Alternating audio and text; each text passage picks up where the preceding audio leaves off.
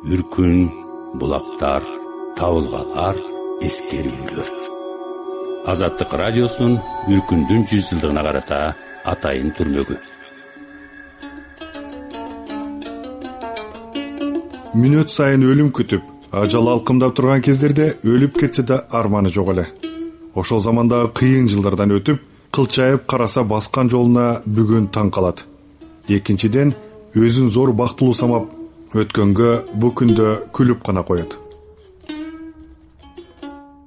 Чубаган арабалар акырын гана кылдырап келет. Тартып бараткандары эгин кабыл алдыңкы арабаны айдап бараткан кишинин жанында отурган бул убак орус дыйкандары күзгү жумуштун кызыгына кирип кырман бастырып эгин ташып эмгек кайнап жаткан кез. Күнү түнү жолду бир бошотпой каршы тешик калтырган арабаларда сан жок. Берегилер бүгүн таңга жуук чоң таштан чыккан улуу шашке кезинде талды сууга жакындай бере бир чоң поселканы көрүп кабыл базаке мынабу кала башта жок эмес беле? деп таңыркагандай жанындагыдан сурады.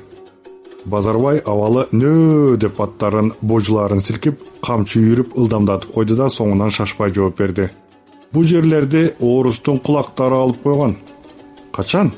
Эл үркүп кеткенден кийин. Мындан башка дагы кайсыл жерлер алынды күрмөнтү сары булак ичке суу чоң таш шаты толуп жатат. Ошол жерлердин баарына поселка түштүбү. Ооба! Дагы келип жатат көрдүңбү тетигилерди? Ошол убакта созулган бир топ өгүз араба булардын алдынан утур келип калды. Жүккө караганда тартип боюнча өгүз арабалар жол берүү керек эле.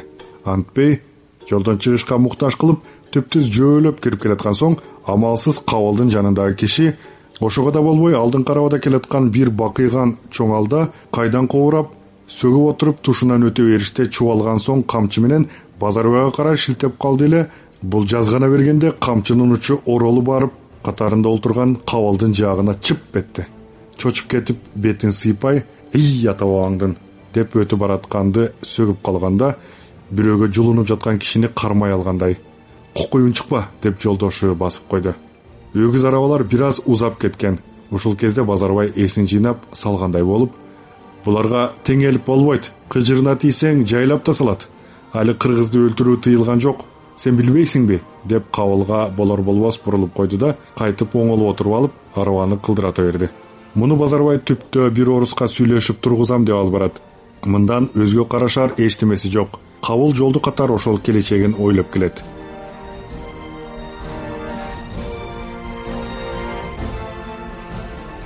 ушул жылы он жетиге келген. Анча мынчаны сезбей тургандай акылсыз да бала эмес. Ошондуктан жаңкы сөздөн улам базарбай жөнүндө бул бизден мурун мындайдын неченин көргөн жеде бышып калса керек деди ичинен. Эл үркүп кеткенден кийин түптүн байлары кулактары кыргыз жерине келип чөп чаап эгин салып жүрчү экен. Кабыл кытайдан келген кезде базарбай дагы эки үйлүү кыргыз болуп чоң ташта гаврилдин эгинин бастырып жаткан. Береги тартып бараткан ошол булар ичке суудан эңкее бергенде ысык көл жарк этти. Тетиги көрүнгөн түп кечке барабыз деди базарбай.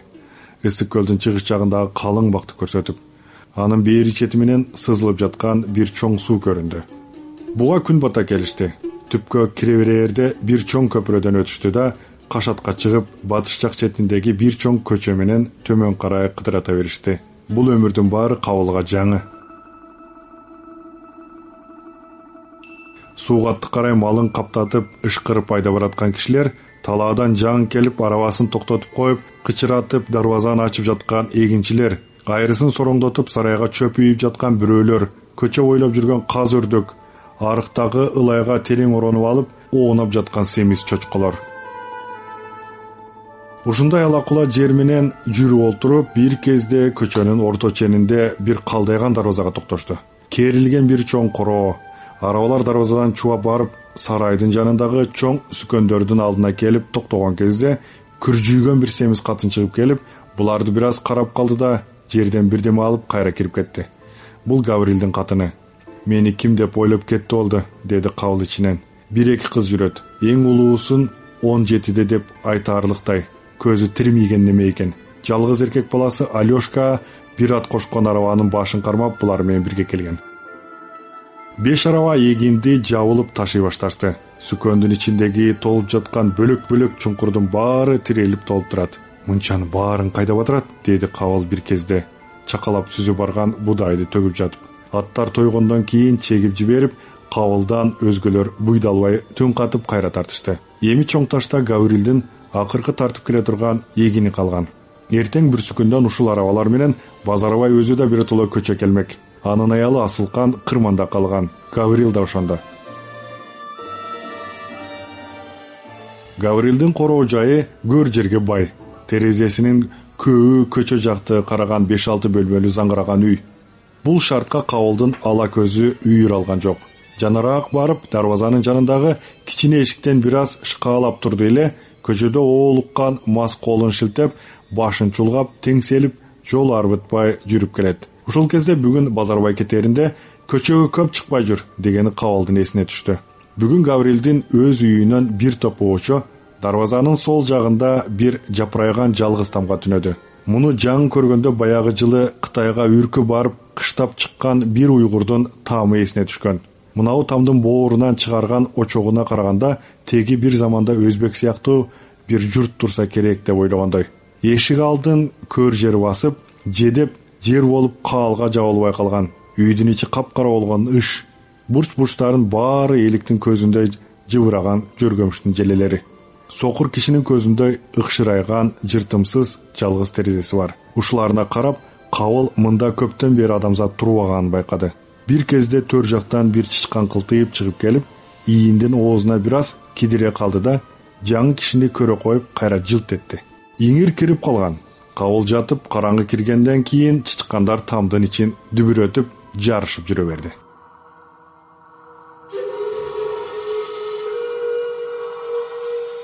Эртеси гаврилдин катыны настя кабылды чакырып алып короодогу аны мунуга жумшай баштады. Кабыл ушуларга жагып алсам дегендей дикилдеп жүрөт. Кийинки күнү сууга жумшады.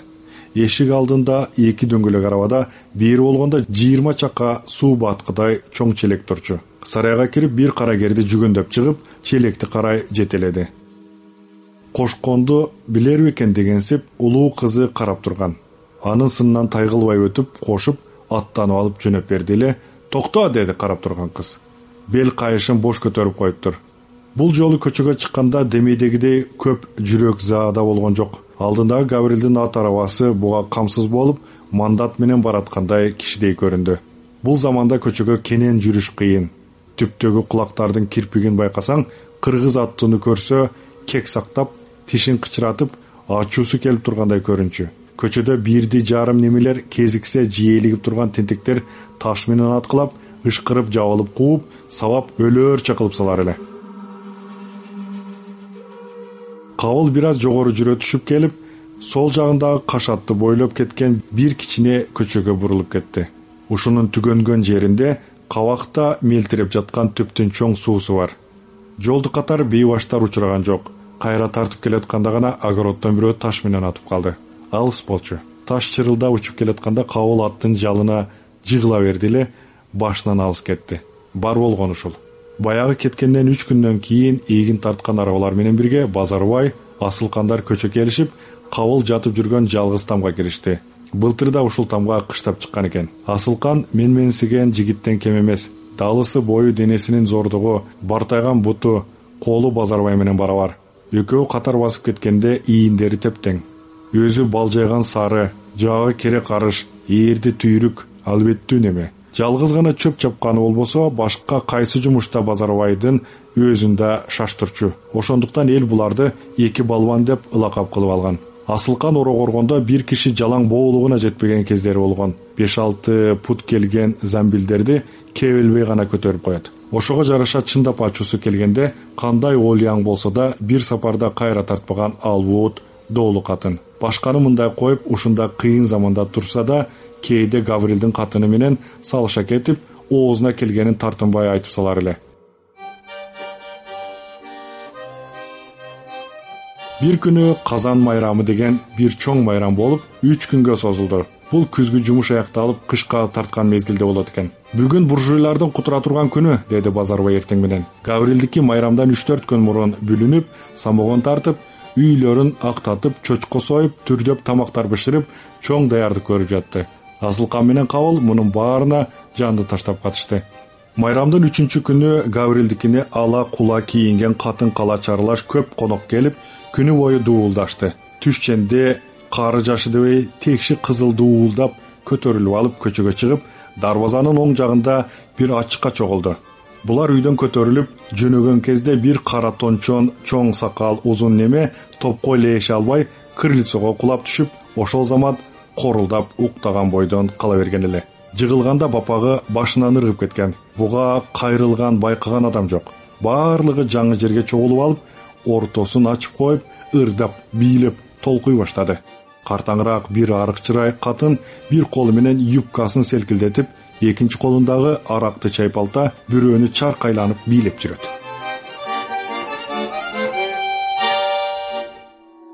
Үркүн булактар табылгалар эскерүүлөр. Азаттык радиосунун үркүндүн жүз жылдыгына карата атайын түрмөгү